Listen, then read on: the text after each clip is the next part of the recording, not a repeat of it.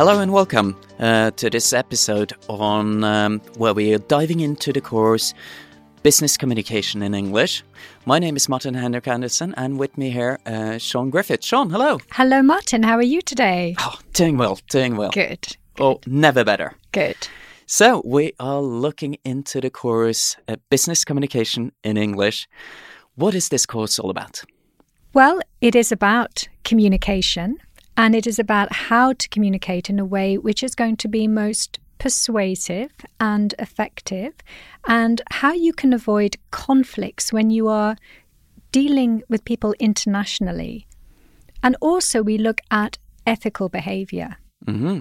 So, this is, as I understand a two part course. Yes, so we one part and the, the major part of the course is intercultural communication. So we look at communicating with people uh, outside of the border of Norway and then we look at business ethics. So we spend a few weeks looking at that as a separate and discrete topic.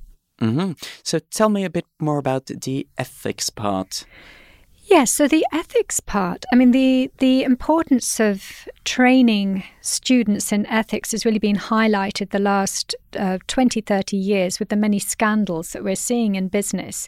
And it's felt that there's a need for students to have some sort of compass that they can use themselves when they go out into working life so that they can make the right decisions because there are many traps out there.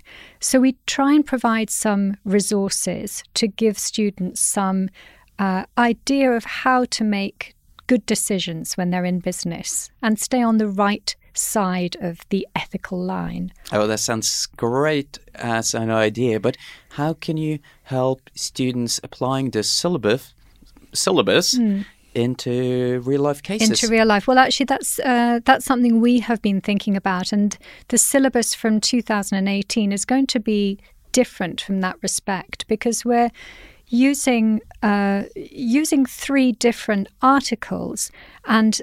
We'll be discussing the elements of those articles and then taking out the tools that are in those articles and applying them to the sort of dilemmas that you can be faced with in work uh, dilemmas like being offered presents by customers, um, maybe money appearing under the desk, you know, in a brown envelope, uh, maybe a desire to recruit uh, somebody that you know into a job without having an open recruitment policy. All these sort of uh, things that can challenge us in business.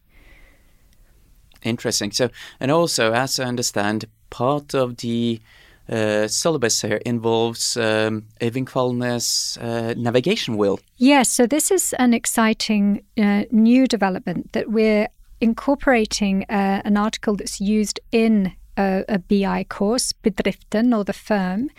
Uh, we're using it in English, so many students may already be familiar with this in Norwegian, but we're actually using the English version of it, and we're looking at this navigation wheel. So we're looking at six different elements that can help you make up your decision uh, about what is right or wrong, looking at the law, looking at ethics, uh, looking at a range of different aspects. So that is one way of, of helping you make decisions, and also um, being aware of the excuses that you create for doing something wrong. Because uh, a very interesting article we have by Heath uh, says that it's not like there are good people and bad people, and we think we're good and everyone else is bad. Actually, we are all capable of making bad decisions. But very often we convince ourselves that we're doing it for a good reason. So he he talks about neutralizing techniques. These are ways in which we can neutralize our bad behavior and justify what we do, and we do it all the time. So this is a very interesting way of really uh, examining and analyzing our own behavior. So, Siân, you are one of the lecturers on this course. Yes. Tell me a bit more about yourself. Well, my background is really a sort of dual background of being a language teacher, English teacher, and also a lawyer. So for 10 years, I worked as a solicitor. And uh, for about 20 years now, I've been a teacher. So I've combined, really, the uh, combined career in uh, in teaching and in working in the law. So, in business communication in English, how are the students graded in this course? Well, the grading goes from A to F, and what we find is that the majority of students are probably around sort of C, end up with C's or D's. That's the sort of average often in this course. Um, some exceptional students will get an A. Some unfortunate students will fail. People do fail on this exam. Mm-hmm. Um, so it, it is a range, and, and how we grade students is we grade them on the basis of their use of English, but also on their content. And these are uh, sort of probably 50 50, but content is given even more weight now because we appreciate that we're not teaching. This isn't a, a, an English language course. We don't have time for that. But uh, what we're most interested in is students understanding the syllabus and then applying it.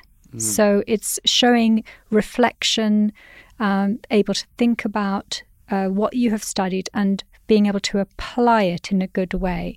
And if you can apply what you have learnt, then you are heading towards, you know, a top grade in this exam. If you simply repeat what you've learnt without thinking about it, then you're not going to do very well. So, um, with those kind of grades, it seems like an undertaking that shouldn't be taken too lightly. This is a massive effort. It well, what it does require is some study. So what we find sometimes is students who are extremely good at English may think that they can sail through it because they they are maybe mother tongue speakers, but actually without the content, they they won't necessarily pass. And particularly if they don't answer the question, and I think this is true of any exam, you really need to answer the question that you're given. Um, so it's not a uh, it's not an, a soft option course, but for somebody who already has English skills, it is an opportunity to do really well in an exam.